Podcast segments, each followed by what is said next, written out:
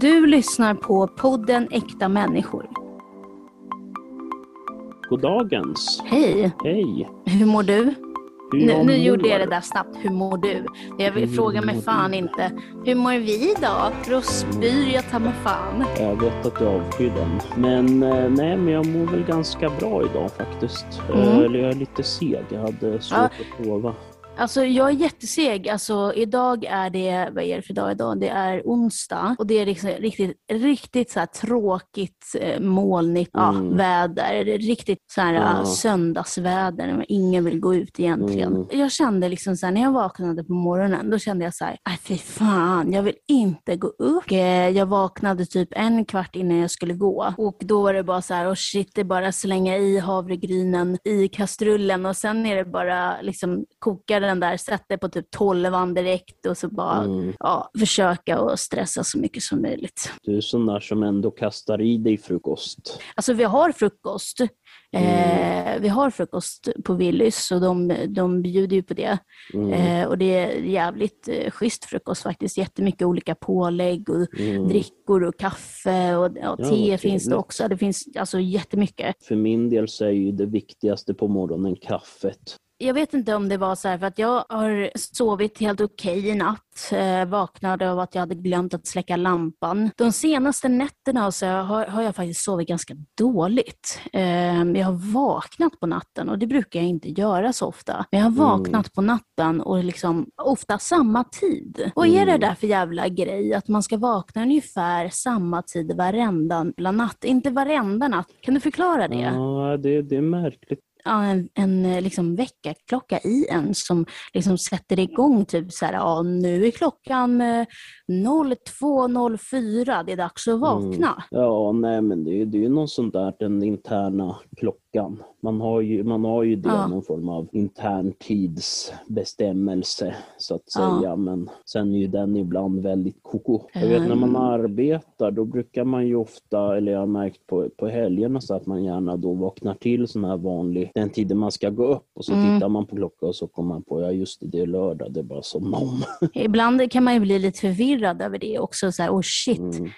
eh, har jag missat tåget nu? Så där, men då är man Ja. kanske lite stressad. Jo, och trött och lite borta med vinden. Men idag har jag, blivit, har jag varit väldigt så här, äh, trött, Mm. jättetrött. Jag har ju haft någon liksom, medicin, vad man ska säga, Atarax. Det är egentligen en allergimedicin, men den funkar väldigt, väldigt bra om du har svårt att varva ner på kvällarna så att du kan Mm. sova bättre. Men jag har märkt att den där medicinen, eh, den gör så att jag blir så otroligt trött dagen efter. Alltså jättetrött dagen efter. Och eh, hur jag har kommit på det är för att jag har försökt att liksom vänja mig av med den. Eh, det är inte så att jag är beroende av den, men du vet, om man får någonting som liksom hjälper, eh, Mm. att, hjälper en att liksom varva ner och somna, då, då är det ju lätt att man liksom tar den lättaste vägen ut och det är väl att man Mm. bara tar någon tablett och så så är det enkelt att somna. Men eh, så jag tänkte så här, men gud alltså, jag tror att den här gör att jag blir trött.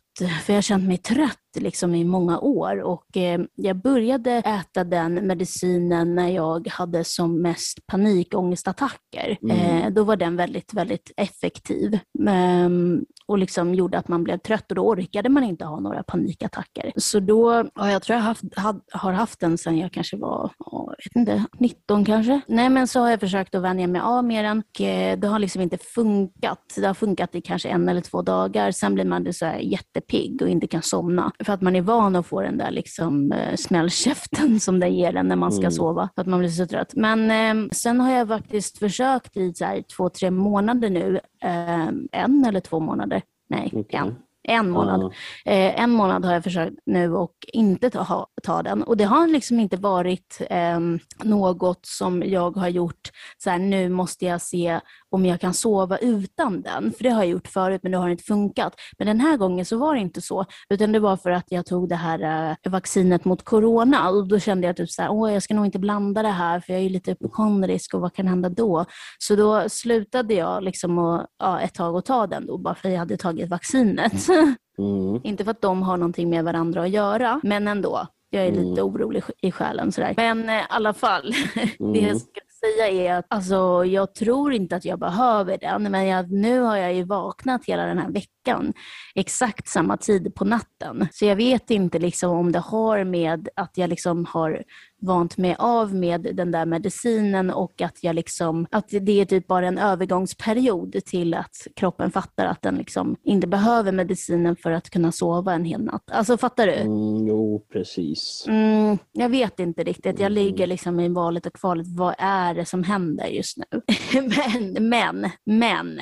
Mm. Eh, jag... Eh, Alltså, jag har fått typ något annat utskrivet istället som heter typ melatonin eller någonting. Och eh, det är bara ett det här sömnhormonet.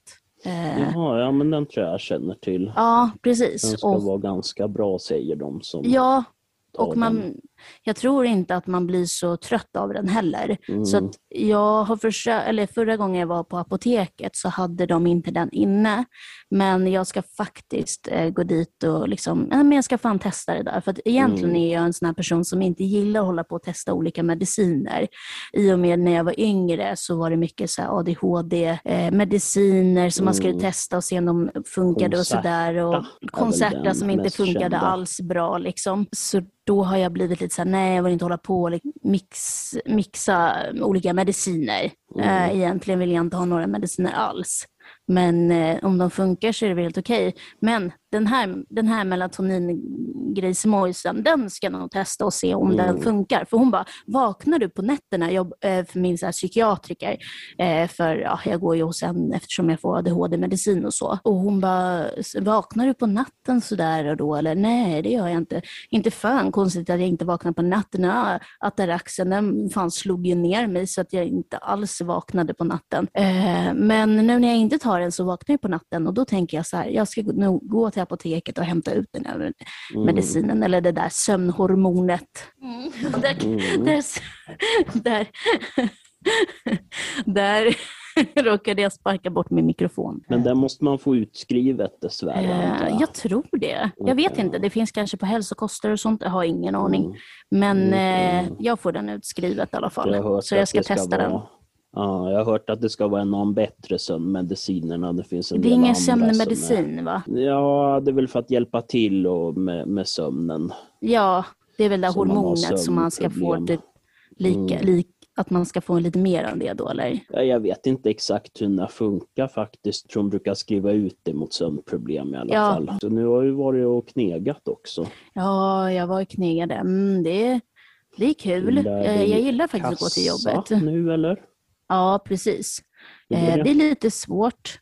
Okej. Eh, Men just för att alla saker ser ungefär likadana ut. Mhm. Eh, Men det som är så perfekt på den här butiken som jag är på, Mm. så är det så att när du väger typ ja, olika saker som ja, jag vet inte, sallader eller ja, det som Potatis. behöver vägas helt enkelt. Mm. Och det finns liksom, det så datorar, datorariserat nu. Eller digitaliserat, förlåt. Okej. Så att nu finns det bilder på allting och då lägger du bara den varan Mm. på själva liksom vågen och sen slår du in ja, vad, vad det är för någonting på datorn och då behöver du inte komma ihåg alla de här koderna. Ja, smidigt. Ja, så det är bilder hela tiden. Men Mm. eh, det är lite andra grejer som man måste komma ihåg också. Koderna är ju bra så att kunden inte behöver vänta så länge och så. Mm. Sen är väl streckkoder mycket nu. Ja, det är ju streckkoder mycket, men Mm. inte så mycket på när du väger. Om det inte är så att eh, de har våg i butiken som liksom trycker ut exakt eh, vad, Mhm, vad den, ja, Ja, vad den var. det är Ja, du lite fattar och- vad jag menar. Men du behöver i alla fall inte komma ihåg det där att man ska trycka in dubbelnolla hela tiden på alla priser. Nej, Nej, precis. Det kommer bör man inte göra. Jag jobbade på en second hand-butik och då hjälpte jag till lite i kassan och deras system där var ju när man skulle växla mellan ören till kronor, trycka dubbelnolla Mm. hela tiden.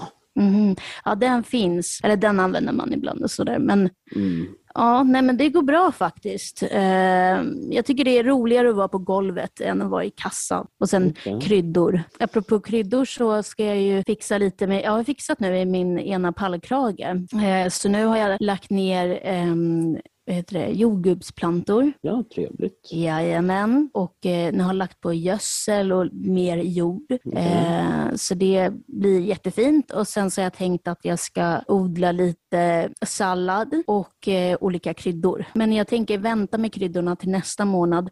Eh, för det finns vissa kryddor som inte tål köld och sånt. Så att, för att vara på den säkra sidan så kör jag kryddorna nästa månad. Okej. Mm. Och då, då köper jag sådana plantor och, lägger, och Mm. gräver ner. Vi har lite tomatplantor och sådär och chiliplantor här hemma fast i kruka Mm. Åh, vad då. gott. Va? Så, ja, i, i kruka. Ja, ja. Mm. Eh, jag bes, be, beskar eh, vad heter tomatplantorna i förrgår. Vad betyder det? Det är att man tar en sax och klipper bort eh, lite överflödiga grenar. och Så där. Jag är ingen expert på det för fem Nej, öre. inte jag men, heller. men, men man ska ju ta bort lite grenar och sådär för att Aha. det ska växa bättre då, som jag Ja. har förstått saken. Så det Ja. har jag härjat lite grann med. Ja, vad nice. Så. Eh, jag hoppade in i busken här i helgen. I busken, Ja, för att jag, jag kände så här, nej, men vad är det här? Det är ingen som fixar den här trädgården. Det är ingen som gör någonting överhuvudtaget. Nej, då får fan i mig jag göra det själv. jaha. Ja, Så jag hoppade är in i busken och bara klippte sönder alla grenar. Men du har två pallkragar va? Ja, det har jag. Eh, jag har en liten så odlingslåda bredvid pallkragen och sen har jag en pallkrage, men sen ska jag ta fram en till pallkrage till. Okej. Där jag tänker odla bara kryddor. Mm. Eller om det ska vara sallad där. Jag funderar på att jag kanske ska ha tre pallkragar. När jag var yngre, då var jag lite så här, eller yngre låter som att jag är jättegammal, men när jag var tonåring så höll jag på att åka runt mycket hela tiden. Jag skulle överallt och det kommer väl du Mm. ihåg? Jo, det kommer jag ihåg. Mycket farande uppe i huvudstaden. Olika Ja. ställen där. Och man, Ja. och sådär. Man följde med dig då. Då var jag alltid så här, ja, men vi tar treans buss till Bladi Bladi och sen tar vi fyrans spårvagn och sen tar vi... Fyran spårvagn, den där fyra, buss fyra. Ja, jag kan inte bussarna i, i Stockholm. Alltså, så jag de enda inte. bussarna jag känner till i Stockholm, det är typ trean och fyran. Eh, för det var bara det man behövde veta när man bodde typ på Söder. Men Jo, eh, jo, men det var så att man följde med dig och hoppade på olika bussar som gick kors och tvärs, olika tunnelbanelinjer till Tjotahejti och man var så här, man bara hängde med. Så där, ja, ja, hon Ja. vet vägen så jag, jag behöver Ja. inte bry mig om vad fan vi ska. Men just så här nu när man har blivit lite, lite äldre eh, så tycker jag fan att det är nice liksom att du bara chilla hemma typ. Eller Mm. bjuda hem eh, vänner och liksom bara Mm. äta middag du vet. Eller du liksom kolla på film, du, alltså såna, kolla Mm. serier. Alltså bara sådana där grejer. Alltså det, ja, det har Mm. liksom blivit så otroligt mycket, mycket roligare. Alltså, och Mm. trevligare än att hålla på och sitta och åka överallt. Okej, det kan vara kul att åka emellanåt, liksom, ja, du kan åka till någon, men det är så här att eh, gå på olika hemmafester, vet jag, så här, jag dricker ju inte. Och, och sitta på olika hemmafester där folk sitter och dricker och blir så här red, red, redigt berusade och liksom Ja, då är ju inte så jävla kul. Nej, det, det känns inte som... Det har aldrig riktigt varit min grej att suttit på sådana där hemmafester. Men jag tror också att du vet, när man var yngre, så här, i Mm. ungdomen och så, då, då var ju det grejen att man skulle hålla på med sånt. Mm. Och för mig var det bara att jag satt där typ i ett hörn och eh, kollade när alla andra höll på. Men jag tyckte aldrig att det var så kul. Nej, men det är väl så där också. Om man själv inte, inte dricker så blir det ju inte kanske så jävla roligt med massa fullisar runt den. Och, och ibland kan jag tycka typ att det blir lite obehagligt om det är människor som inte kan bete sig. Mm, precis. Men det är inte så att jag brukade gå på fester, utan någon gång ibland gjorde jag det, men då gillade jag inte det överhuvudtaget ändå. Eh, men sitta hemma, äta middag, och folk dricker vin eller öl till maten, eller oavsett Mm. dricker liksom vin eller öl, eh, det tycker jag är helt okej liksom, Mm. och, och, och man kan liksom hantera det. Så att, ja, nej, jag gillar, jag gillar hemmamiljöer, men Restauranger kan också vara trevligt emellanåt. Mm. Absolut, men det är lite dyrt så att då, då är det ju smartare att fixa någon god, gott käk hemma tycker jag. Jo, Jaha, vad, det- vad, vad sa du? Nej men det är ju det där man växer upp. Man blir ju äldre, mer Ja. mogen. Ja, och, i, och i, i helgen, då var det typ så här, shit, vad fan ska jag göra? Nej, jag, jag och det var ju fin, ganska fint väder också första maj tyckte jag. Mm. Eh, efter vi hade haft den här middagen där på Valborg. Mm. Eh, så tyckte jag att det var väldigt skönt att gå upp på morgonen och eh, när ni alla hade dragit liksom dagen, eller kvällen där innan Mm. ma- första maj. Eh, så när man gick upp på morgonen och bara fan vad schysst, jag ska ta en frukost här, kaffet sätter vi igång, går ut på altanen eh, och, och äter frukost ute på altanen och sen tänker ja, nej jag ska nog ta och fixa lite mina pallkragar. Så det var, det var liksom lite vuxenpoäng tycker jag där. Mm. Lite terapi också att hålla på där i trädgården faktiskt. Mm. Jo, men det är väl säkert därför många sysslar med det. Mikael, jag har ju varit på dig lite under några veckor och sagt till dig att du borde se, den här dokumentären om Whitney Houston som går Mm. på More och TV4. Har du gjort det? Eh, Den har jag tittat på. Dessvärre så tittade Och vad jag har du på- säga på till den ditt på försvar? TV4 och då var det reklam hela jävla tiden så man var tvungen att Men stänga hallå, av du har ju på. Eh, Jag fick, kom inte in på den. Det gick inte alls. Den här jäkla Fel hela lösenord och fel användarnamn och Åh. fel allting. Ja, ja. Inte. Men sluta hundfan, alltså jag är så trött på den där hunden som skäller hela tiden här utanför. Aha, jag, jag hör inte den. Som Nej. tur är. Om ni hör det så är det inte mitt fel, det är grannen som bara släpper ut den på sin, på, eller i sin trädgård utan att gå ut med den. Ja, vad härligt. Mm, inga promenader. Massor med bajskorvar över hela trädgården säkert. Vad tyckte du om dokumentären då? Den var ju intressant. Eh, Ja.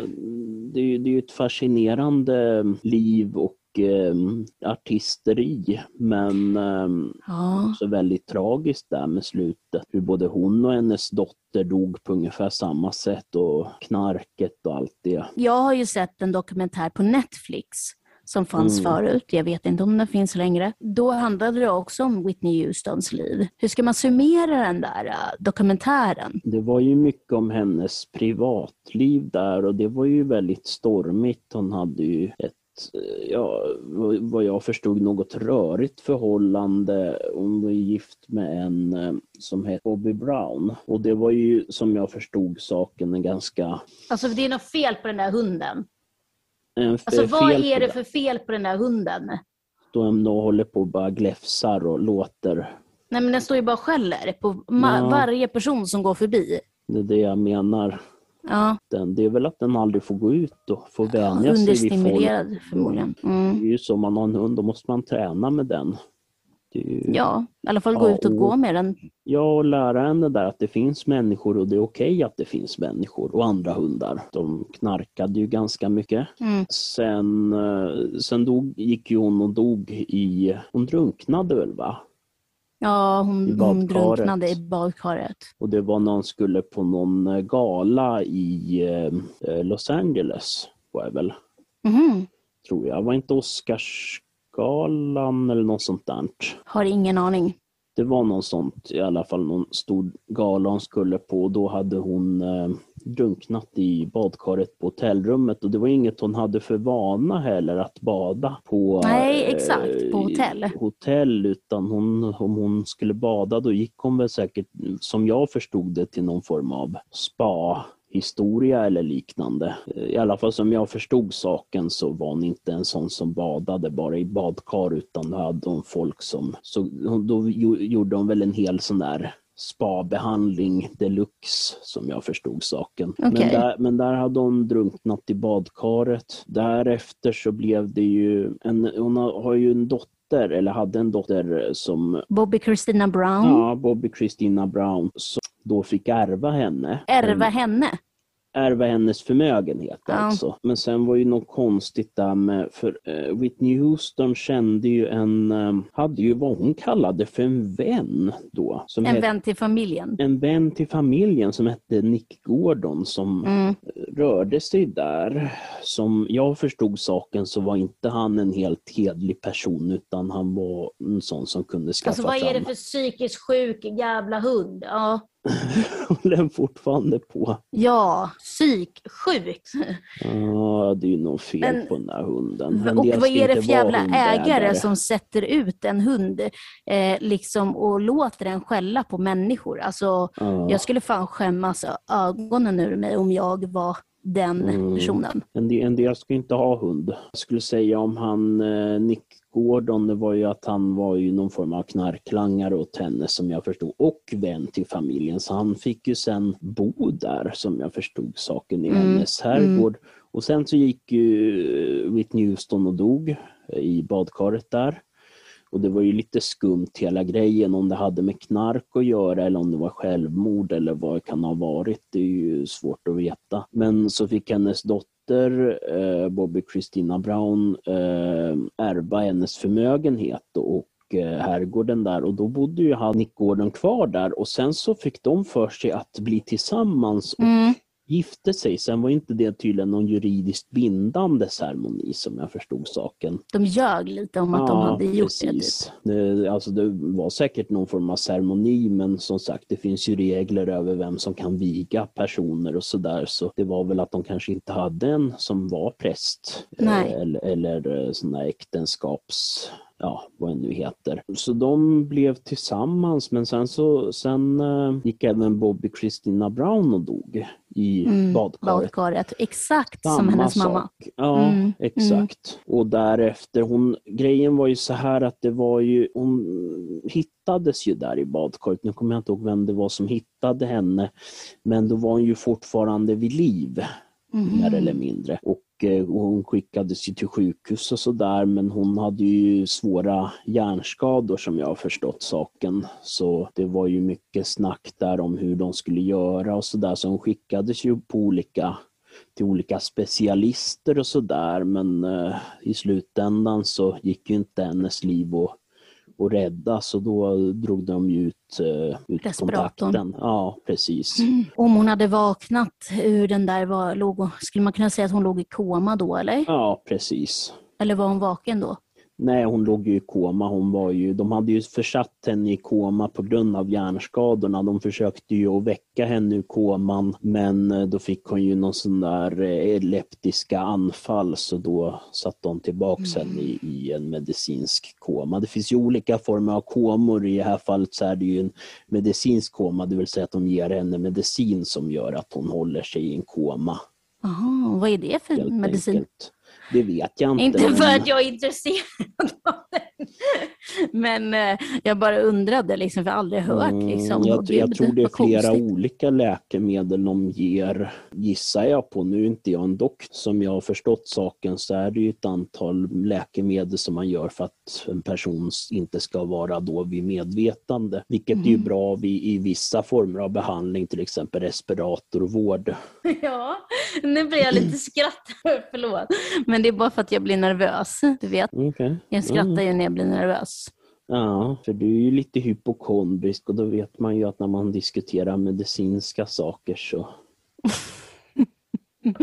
Vad då? Vad händer då? Nej, du blir lite nervös då. Ja, ja, ja, ja. Nej, Men det är också så här, jag blir nervös. Så var det någon som sa så här, när man börjar skratta, när man inte får skratta, eh, det är en försvarsmekanism. Man bara, men va? Nej, Mm. det är det väl inte?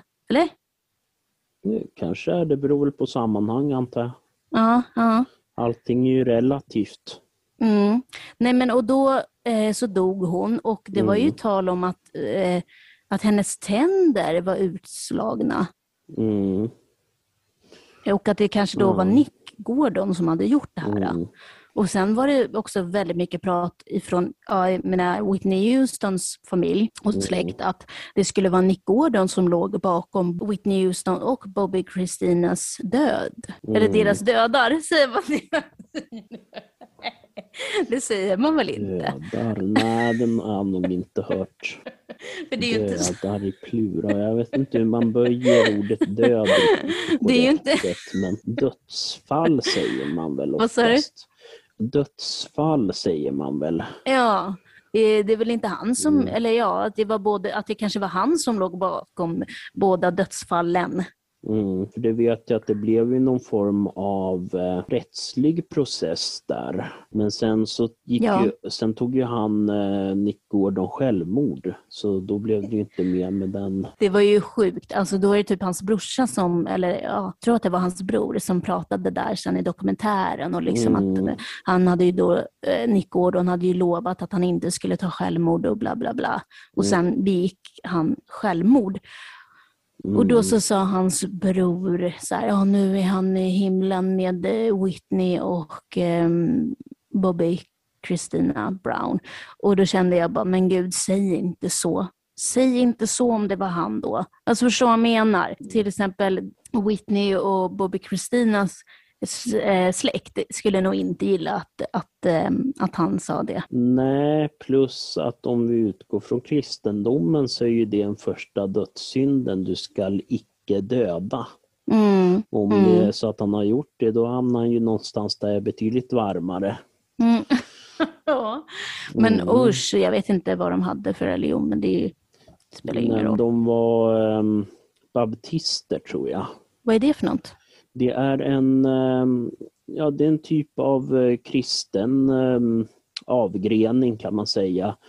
En Mm. avgrening från protestantismen tror jag. Där har de, de anser ju att själva dopet är en väldigt viktig eh, del av religionen och de har ju alltså vuxendop, att man döps inte då som barn utan man döps som vuxen eh, efter eget val. Okej. Sen är det andra saker, jag tror också att baptistkyrkorna är, har en, eh, syn på att kyrkorna själva ska ta beslut om hur de utövar sin religion, alltså som lokala församlingarna snarare än att man har ett, en eh, biskop och en central styrd kyrka som Mm. till exempel Svenska kyrkan. Aha, spännande. Så det, de har ju väldigt många olika, olika kristna religioner i USA. De har ju baptister och metodister och, och protestantister och eh, förstås katoliker också för den delen.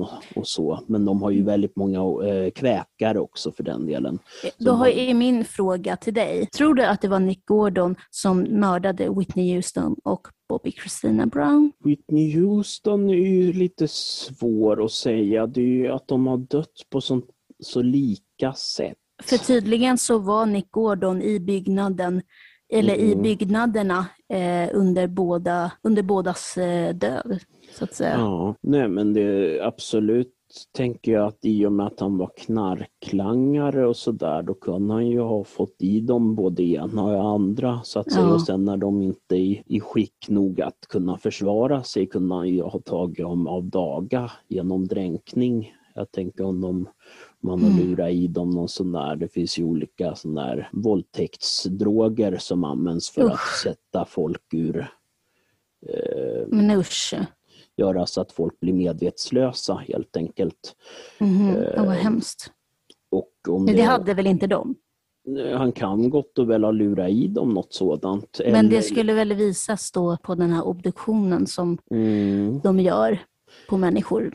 Kanske, eller helt enkelt ta sig till att de hade fått i sig så pass mycket droger att de helt enkelt inte kunde försvara sig längre. Mm, ja, så kan det ju vara. ju- det, det är väl den mer enklare te teorin att, ja, jag vet inte vad det var exakt de använde, om det var um, amfetamin eller kokain eller vad det var, men hur som haver så eh, är det ju det klassiska att om man intar för mycket knark så blir man ju inte i skick att kunna ta hand Nej. om sig själv och då är ju då blir det ju väldigt enkelt för honom om det är så att han hade den... Det, Alltså gud vad den håller på. Men Mm. eh, okej, så du tror inte att det var han? Eller vad tror du? det kan gott ha varit honom i och med att båda dödsfallen var lika. Om han var i närheten av dem i samband med båda dödsfallen så, så är ju risken ganska stor. Mm. Nu så, ehm, pappan där, Mm. Bobby Brown, hans son dog ju för inte så jättelänge sedan. Mm. Så han, han liksom, hans fru och hans två barn har dött. Vilka jävla Mm. livsöden. Där, han kan ju inte ha haft det lätt. Men det är ju någonting jag tänker, nu vet jag inte hur det kommer sig att de dog, men jag tänker mig folk som rör sig i den miljön. Musiker och sådär har ju en tendens ibland att vara väldigt begeistrade över olika substanser. Om det, det kan ju också ha varit att även när det kom till Whitney Houston och Bobby Christina Brown att eh, de i båda fallen helt enkelt att det rörde sig om eh, knark helt enkelt, mm. överdos mm. av knark eller självmord eller mm. liknande. Mm. Vad tror du? Eh, jag tror att, jag tror inte att han låg bakom det. Okay. Men jag tror inte det. Alltså, jag tror att de var påverkade av droger och det som hände, mm. det hände. Liksom. Sen eh, om det var han som lurade i dem, han kanske liksom, mamma kör lite till, kör lite till. Men jag, jag, jag, jag vet, jag tror, alltså det är svårt att säga men mm. ja, jag tror inte att det var avsiktligt. Nej, det kan ju vara en knark, knarkfest som gick ja. Ur, ja, ja, så där gick åt helvete helt enkelt. Mm. Whitney Houston var ju en van droganvändare. Precis. Så, så jag menar, det är ju kanske inte så konstigt om det var så att hon tog en överdos och sen hur hon hamnade i badkaret, det är ju svårt att mm. veta men det kan ju vara att hon kände att hon behövde kyla ner sig efter att ha tagit för mycket knark eller något mm, annat. Just det. Och så, folk som är höga som hus får ju ibland för sig väldigt underliga saker. Du lyssnar på podden Äkta människor. Jag tänkte bara fråga dig, Mikael. Mm. Du har ju Asperger, eller? Mm. Det ingår ju nu i autism. Mm. Autism, autismrummet. Spektrumet. Spektrumet. Heter det så? Jag tror det. Alltså, tycker du att du har några så här, att du själv har dragen av aut- eh, Asperger autism? Både ja och nej. Nu är inte jag en expert inom ämnet. Nej. Men eh, det är väl både, både ja och nej. Ehm, jag ser mig själv som en väldigt social person. Ja, det är du. Men så jag, så jag behöver ju det där sociala samspelet så där nu under, under corona har ju varit ganska jobbigt just det där och inte kunna träffa folk och på samma sätt och vara social och så där. Det har ju varit väldigt ansträngande. Mm. Eh, sådär. Sen så är jag ju också en sån person som uppskattar i väldigt mycket egen tid också och får ägna mig åt mina mm. hobbys och sådär. Så det är väl både och. Jag vet inte. Det är väl också mm. att man själv kanske har eh, lärt sig hur man ska hantera det och hur, man, eh, hur sociala samspelet funkar och sådär. Mm. Vissa säger att folk som har olika funktionsnedsättningar har lärt sig det sociala samspelet genom att ja, liksom få inlärt beteende. Jag, jag vet, vet, inte. inte. Det, det, jag tycker inte att du har det. det. Jag skulle nog inte säga att det är ett inlärt beteende som så. I alla fall inte sådär att man känner medvetet. Men visst, det kan väl vara att man har något undermedvetet sådär. Mm. Men jag menar, man har, ju, man har ju ändå ägnat ett helt ja. liv åt att vara social. Så jag menar, ja. det ju, blir ju en del av en själv också.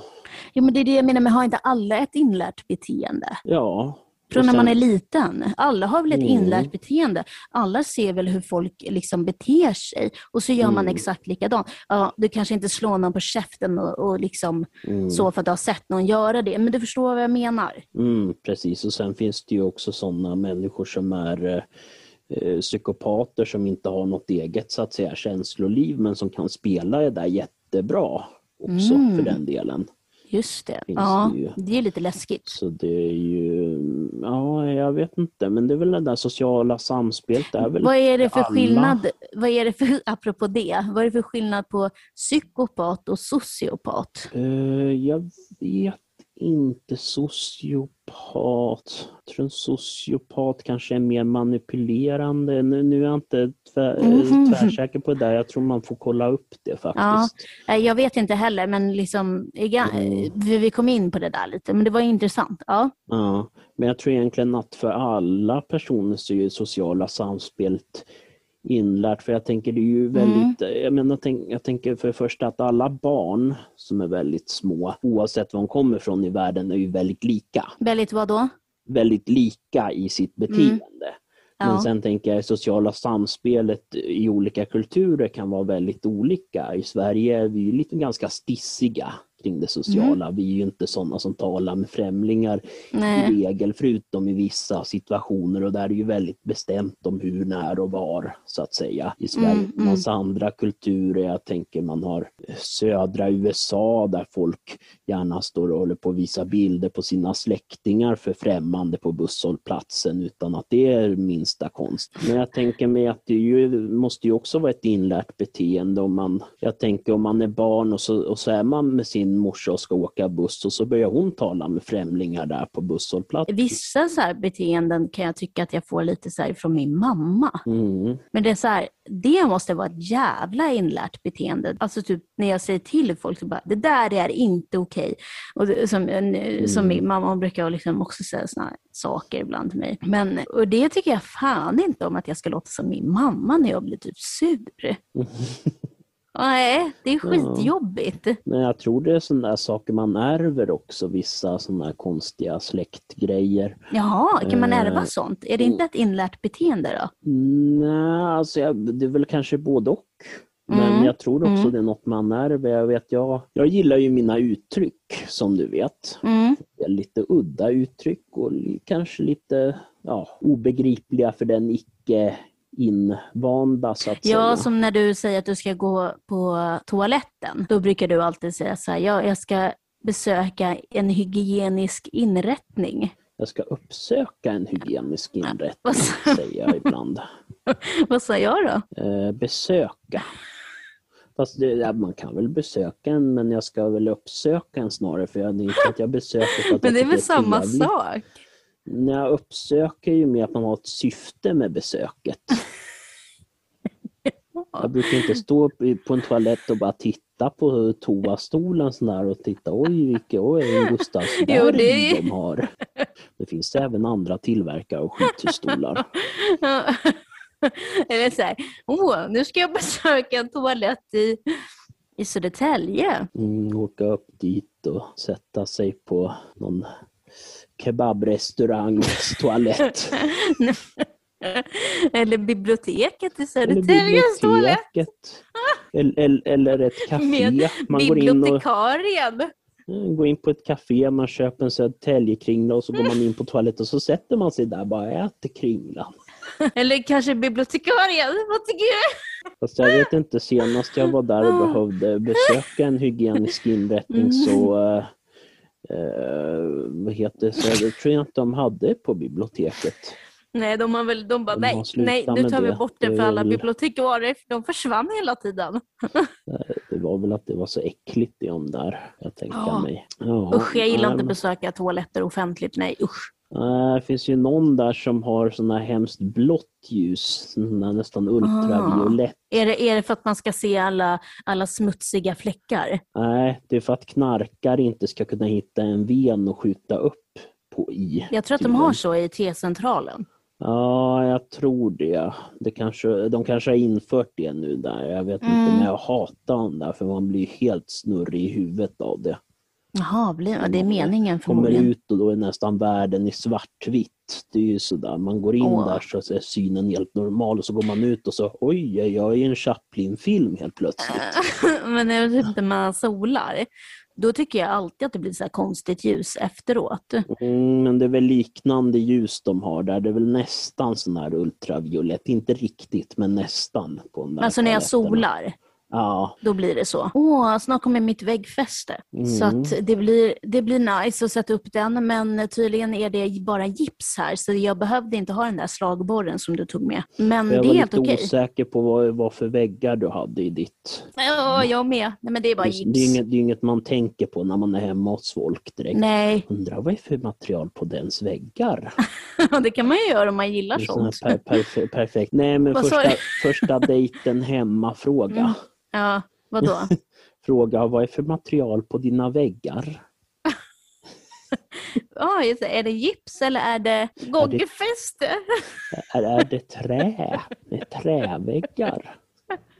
Är betongväggar? Är tegelväggar? Gångfäste, vad är det? Gångfäste? Det vet jag inte. Kanske fäste för gångjärn kanske? Jag är så trött idag. Ja, det märks. Det blir mycket att klippa i podden. Ja, ja det är kul. Eh, Jag tycker det är jättejobbigt. Men Mm. ja, eh, döden. Ska vi diskutera döden? Tråkigt. Bara bröt ni hela stämningen här med Och- döden. Är det du som är döden? Eller vad säger de? Mm, Det är jag som är döden i någon jävla Det sjunde inseglet. ja, Jag har aldrig sett den filmen, men jag har sett den där jävla scenen. Jag vet Mm. inte hur många gånger. Det är och jag jag, kan det som är där. döden och jag har kommit för att hämta Ja. dig. Man bara, Jag du, skulle ha en schack där, kommer jag ihåg. du kommer fan inte för att hämta mig. Mm, man borde se den där. Jag har faktiskt inte heller sett den, men den Nej, varför kan vi den? sån där lång, då?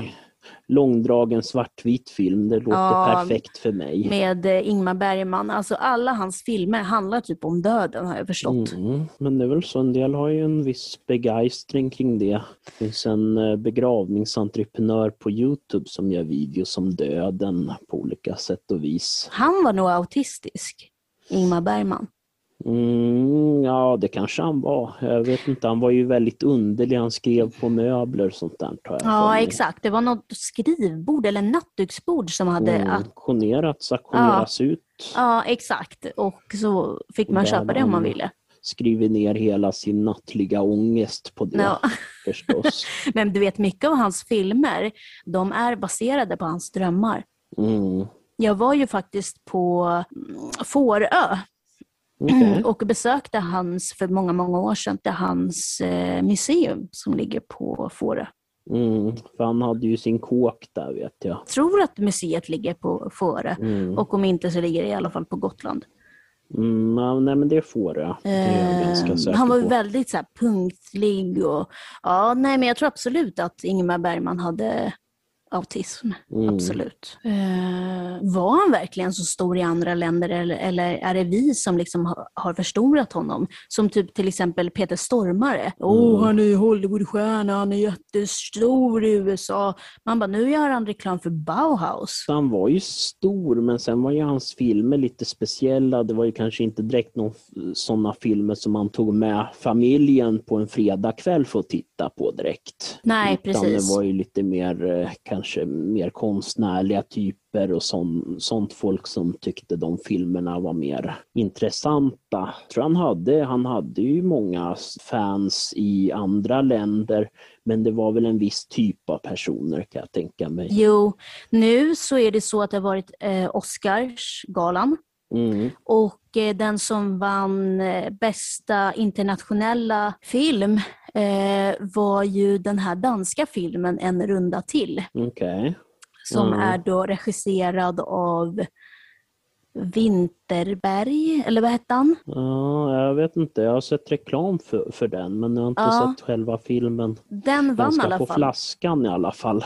Verkar Mm. det som på den. Den vann. Mm. Och eh, Mats Mikkelsen, heter han så?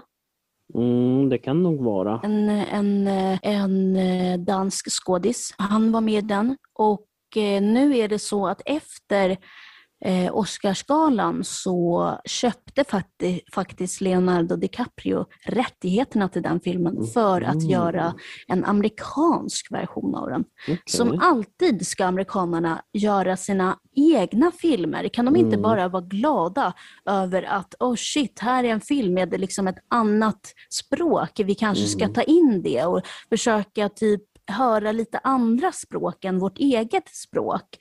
Mm. Kan vara. Nej, det vill de inte. Mm. De ska göra om den. Nej, men de är ju lite underliga amerikaner just där med språk. Dels är de ju i många fall enspråkiga. Det, nu, det har ju blivit lite bättre. En del börjar ju lära sig spanska och sådär vet jag är ganska populärt Ja. i USA. Men det är ju fortfarande ganska ensidigt och sen också att folk de verkar inte gilla det där med undertexter. Det verkar inte riktigt funka där av någon anledning. Samtidigt så är det där med dubbning och det är ju ännu värre nästan. Mm. Så, men eh, det verkar vara förekommande ibland för det var ju någon net, polsk Netflix-serie som jag såg de hade få- fått för sig att dubba för det var jättekonstigt man började titta på det och undra vad fan varför är ingens mun synkad till vad han säger och så kom man på sen ja, det måste ju vara, ja men det här måste ju vara dubbat, vad fan. Och så ändrade man språket så blev det korrekt. Mm, mm. Men det var ju den där eh, sydkoreanska filmen, vad var det, för, förra året? Mm. Eh, Parasit som vann. Jaha, vad, var vad, ju- var det, vad var det sa du? Eh, sydkoreansk film. Jaha, okej. Mm. Eh, Inte nordkoreansk. Nej, jag. Nej. Nord eller syd? Nord eller syd? Som jag alltid frågar när någon säger Korea. Mest för att det är kul att jävlas. Ja, ja, precis. Men apropå det, vad, vad, bara för att vi ska så här, deppa ner oss lite i den här podden så tänkte jag Mm. fråga dig Mikael. Vad tror du händer efter döden? Jag vet inte, alltså, jag har väl två teorier. Eh, och, Shoot. ja, om du hade frågat mig för ett år sedan, då hade jag bara sagt en av dem. Och det är ju det där att när man dör så dör man. Det finns inget mer, det är slut, det är pang bom. Det är svart. Det, ja, precis. Eh, Mhm. Men jag, jag har ju hört en del och läst en del och jag är jätteskeptisk Mm. mot det. Jag är jätteskeptisk Mhm. mot mig själv. Mhm. Alltid när jag läser sånt som är lite fantastiskt och tänker jag, men är det här verkligen sant? Men det finns ju konstig bevisning för det och det är ju att det är olika barn som har Mm. växt upp och börjar berätta saker som det är helt omöjligt att de kunde veta. Saker om andra människor, andra namn på personer, för och efternamn på personer som de påstår sig ha varit eller som Mm. de har känt. Och eh, sen finns det ju, jag kommer inte ihåg om det var University of Maryland eller om det var eh, Pennsylvania, det är någon amerikansk delstat, så har de en grupp akademiker där som forskar om tidigare liv. Alltså det är akademiker, det är psykologer, det är inte, det är inte någon sån här stråltanter direkt utan det är riktiga utbildade människor som då har att folk kan kontakta dem och så Mhm. kommer de och ställer frågor till dessa barn som eh, säger sådana här saker och börjar göra research, kollar upp namn och liknande. För det var ju ett fall, ett barn på, jag tror det var på 90-talet någon gång, Mm. som nämnde ett namn, vad han hette och det var ett ganska ovanligt efternamn som kollade upp det. Och det var en person som hade dött i Vietnamkriget, alltså på 60-talet, 68 tror jag, som kollade upp och så tog han reda på, han hittade fotografier på det huset som han, soldaten, hade bott i innan han åkte ut till Vietnam. Och sen så hittade han ett fotografi på ett helt annat hus som inte hade med saken att göra. Och sen tog han bild på familjen där och sen en bild på en helt annan familj som inte hade med saker och så visade han upp det där för barnet och bad barnet peka på den bilden som, eh, som den kände igen. Och jag tror han hade sex stycken bilder och det var sex av sex var rätt. Mhm. Så jag är skeptisk men det Mm. finns ju bevisning. Det är ju det som gör det väldigt Okej. intressant. Så det är väl de två varianterna jag har, att antingen att det finns reinkarnation och att det på Ah, något du sätt tror kan, på det? Mm. kanske i Mm. och med just den bevisningen som finns. eh, Mm. Att, att barn, alltså det är inte bara ett barn utan det är många. De har forskat om det här sedan 60-talet. Och det är ju många fall där, där eh, barn har kunnat peka ut saker, dock inte allting. För det verkar ju som att det är lite grann i en dimma så att säga. Att vissa detaljer kan komma över medan att andra saker så att säga försvinner i övergången där, om man nu ska kalla det för en övergång. De har Mm. liknat det lite grann med demens eller Alzheimers, att vissa detaljer på något sätt kan komma över medan andra försvinner. För det var en, en snubbe som kunde berätta om sin tidigare karriär i Hollywood, eller ett barn då, Mhm. och, och kunde peka ut saker inklusive vilken färg hans bil var. De släktingarna till honom då, alltså Och då var det samma eller? Ja, de trodde först att det var fel, men sen kollade de upp det och då var det rätt i registret Jaha. på bilen. De hade fått för sig att ja, men den är blå, men den var, vi, den var tydligen grå. Eller vad det Mm. nu var. Och så där och andra saker. Sen så frågade de där, för de träffade ju det barnet då. Då var han kanske 12 år eller något sånt. Mm. Eh, och då frågade de om vissa saker. Han hade varit i Paris, om han kommer ihåg något om det, men det gjorde han inte. Men han kom ihåg andra saker om att han hade varit i New York på Broadway och, och eh, deltagit i någon form av show där. Eh, Ja, spännande. och så. Eller så var det bara att barnet var helt totalt knäpp. Nej, skojar. Nej men vad spännande. Jo, men jag har hört sånt där också. Det var faktiskt Mm. en person som jobbar som mitt boendestöd, tror det eller Mm. ej, som berättade att eh, hon kände, eller känner en person som eh, tror sig vara Anne Frank. Okej. Eh, varför hon tror det är tydligen för att eh, eh, hon, henne, typ, hennes mamma kallade henne för något, eh, ja, någon, något namn som hon har. Jag vet inte vad hon heter, Mm. hennes vän. Men, eh, och då sa den här barnet så här, kalla mig inte det, jag heter Anne Frank. Och det sa hon när hon var liten. Mm. Eh, och det var innan hon liksom hade liksom läst om, om Anne Frank. Mm. Och eh, liksom då besökte de sen eh, Anne Franks, eh, där de gömde sig du vet. Mm.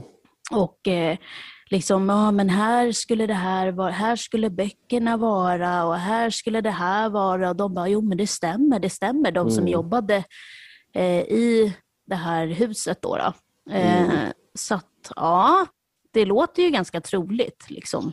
Men det låter ju Mm. också väldigt skumt. Alltså det är nästan Mm. lite så här, lite läskigt på något sätt tycker jag.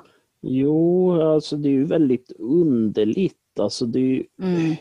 enormt svårt att veta. Samtidigt så är ju de där konstiga detaljerna som, som finns, eh, Mm. konstiga berättelser och sådär. Och vissa, det, finns det finns någon webbsida någonstans där någon som har sammanställt olika fallstudier som han kallar det för. Det är någon, eh, någon eh, svensk psykolog som har. Och då är vissa är ju från eh, olika regioner i Asien där man tror på reinkarnation och där är en del lite underliga berättelser om mödrar som har förlorat sitt barn och sen ber till Gud då om att få tillbaks barnet och sen föda de ett nytt barn som börjar berätta saker som det barnet som de hade innan Mhm. kände till och så vidare. Men Ja. eh, Så, så vad skulle du säga då? Vad tror du då? På? jag vet inte, jag skulle säga att det är 50-50. Ja, Okej. An, antingen det ena eller andra, det är väl Ja. det som jag har funnit så att säga någon form av Intresse för det. fall. nej, någon, någon form av eh, bevisning för, om man nu ska Mm. kalla det för bevis. För det, är ju För det finns ju väldigt- folk som du sa, Mm. eller jag vet inte om du sa det för du pratar så jävla mycket. Nej men, nej, men det där med att, eh, att det finns folk som forskar lite på döden och så. Mm. Ja, det finns ju också en där berättelse för såna här utomkroppsliga upplevelser Ja. där gå i en tunnel mot Ja. ljuset och hela den. Ja, och egentligen så är det lampan på sjukhuset. Ja, som de precis. Exakt vad jag skulle säga. Men typ, jag skulle nog säga så här, jag, jag, jag tror på, hmm, gå ett helt liv och inte tro på någonting och inte tro på att någonting händer efter döden eh, och att det bara är helt svart. Det skulle göra mig ganska deppig. Alla människor som jag träffar har en betydelse. Okej. Sen, sen tror inte jag att liksom, den jag går förbi på gatan och inte liksom har något möte med på så sätt, det tror inte jag betyder så mycket. Men alltså alla människor som jag får någon slags djup kontakt med, Mm. det, jag tror att absolut att det har eh, en betydelse och att jag tror att jag kanske kommer träffa dem igen liksom, eh, när jag har dött. Men hur det ser ut och ja, det vet ju inte jag. Lite djupt, men det är här, en annan dimension kanske. Mm. Ja. Ja, jag tror, jag tror det. Jag menar, varför, skulle jag, liksom, varför skulle man träffa så många människor i det här livet och som påverkat ens otroligt mycket? Eh, sina familjemedlemmar eller liksom vänner eller ja, vad det nu är, Mm. partners. Menar, om det inte hade någon mening, varför skulle jag då träffa dem? Om inte jag får träffa min familj i nästa liv, då vet det fan alltså. Nej, men jag vill verkligen det. Nej, men Mm. tänk dig vad tråkigt att gå ett helt liv här och allting som händer och alla människor som man träffar. Tänk om det inte det skulle ha någon betydelse. Mm. Alltså gud vad tråkigt. Ja, det, det finns ju de människorna som eh, anser så. Det kallas för eh, nihilism, tror jag. Okej. Just att ingenting av något som sker på denna jord och i det, detta universum har någon form av betydelse alls. Att ens liv bara är en lång marsch till döden där man har vissa vissa trevliga ögonblick för att Ja. eh, distrahera en. Jag skulle nog Det är en ganska dyster Ja, eh, filosofi. tanke. Men Ja, filosofi. tan- Ja, tanke. ja. Jag tror på ett liv efter döden, absolut. Mm. Och jag tror också så här, saker som händer i livet, det kanske är mer i livet nu jag pratar om, inte om, om jag tror på någonting efter döden. Men ja, jag, tycker, jag tror att det har ett samband i alla fall. Ehm, Mm. Vad sa jag? När jag dör så tror jag att allting kommer falla på sin plats. Okej. Som ett pussel, Att man kommer kunna förstå helheten. exakt. Mm. Varför vissa saker hände och så. Saker som hänt eh, i mitt liv som inte jag riktigt förstår varför. Men sen Mm. när jag liksom dör så kommer jag förstå varför saker och ting hände och Mm. då faller alla bitar på plats. Ja. Sen tror jag också att alla människor som har påverkat mig på djupet tror jag att jag kommer få träffa igen. Mm. Eh, men det här livet är så märkligt. Eh, Mm. och när man tänker för mycket på det så blir, det, blir man helt, helt, helt koko i huvudet känns det som. Nej, men för Det är så Mm. stort alltihopa. Jo, det är ju väldigt, väldigt mycket saker här på vår planet och även säkert utöver vår planet som är väldigt, väldigt konstiga. Saker Mm. som händer, saker som är och Corona händer, varför händer det? Över, Mm. Är vi överbefolkade? Behöver vi en utrensning för att, egentligen, för att vi är för många människor på jorden? Alltså, Mm. Förstår du? Jag, jag menar, det, sånt där kanske man får svar på sen eller kanske inte. Men jag menar, jag tror att allting har en, en i alla fall sådana här djupa saker, jag tror att det har förklaring. Sen finns det ju sådana saker som vi människor på denna planet också tycker kan vara totalt obegripliga, i alla fall som Mm. vi ser på saker nu.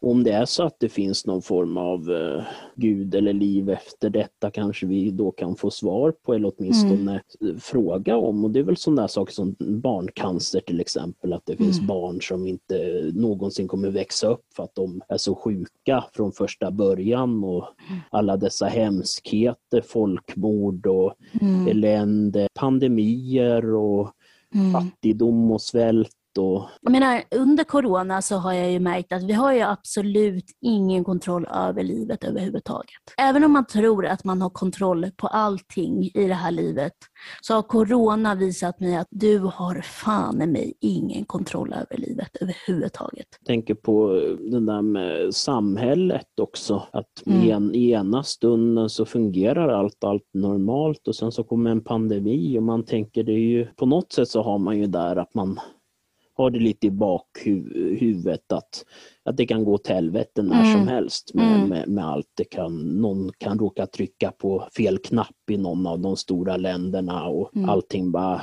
exploderar. Mm. Eh, och så, men man har ju ingen kontroll över det. Vad som ska Nej. hända och hur samhället ska kunna hantera kriser och eh, vad, så, vad som kommer hända, hur det kommer vara om 50 år. Alltså det är så märkligt. Alltså du vet, tänker man, alltså ibland kan jag liksom kolla mig i spegeln och, jag kan tänka typ så här, tänk att jag är jag. Mm, Och när jag tänker så för många gånger, tänk, tänk att jag är jag, tänk att jag Mm. är jag, då blir jag så här, usch, nej men usch, Mm. typ så här, man blir lite, nästan lite Ex- rädd. Typ. Existentiell, eh, jag vet inte vad man ska kalla det. Ja, Men det är väl jag tänker på där ja säg en det del där, existentiell, kris kanske. ja, Nästan. Det är ju sådär, Ja. man, det är ju en väldigt stor fråga varför jag menar, jag har ju ingen minne av att jag någonstans begärt att ja, men jag vill bli född, jag vill vara här, jag vill eh, heta eh, Mikael och jag vill bo här och jag vill göra ditt och datt. det finns ju Utan det faktiskt Mikael, det finns ju faktiskt människor som tror på att ens tid är begränsad. Eller nej, Mm. att ens tid är uträknad. Och att från den dagen du är född, då har det också, fun- då har också utsatts en tid på hur länge du ska leva. Och det är ju och det är en intressant tanke, jag tänker det där med ödet och sådär. Jag vet inte riktigt vad, om jag tror på det där med ödet som så. Det är väl inte ödet, eller? Ja men ödet är ju att det är på något sätt förutbestämt vad Aha, som ska ja. hända. Jag tror på det. och sådär. Och det är ju en intressant filosofisk sak som jag kom att tänka på. Mm. Är Filosofiska hörnan med Malou. filosofisk fundering ju, tänk Mm. om man har en, en, en fantastisk eh, tidsmaskin. Man kan åka Mm. framåt och man kan åka bakåt. Mm. Någon sån där DeLorean som kan flyga. Och så, och så åker man tillbaks eh, och, så åker man tillbaks till, jag vet inte, man åker tillbaks 20 år och så bosätter man sig där.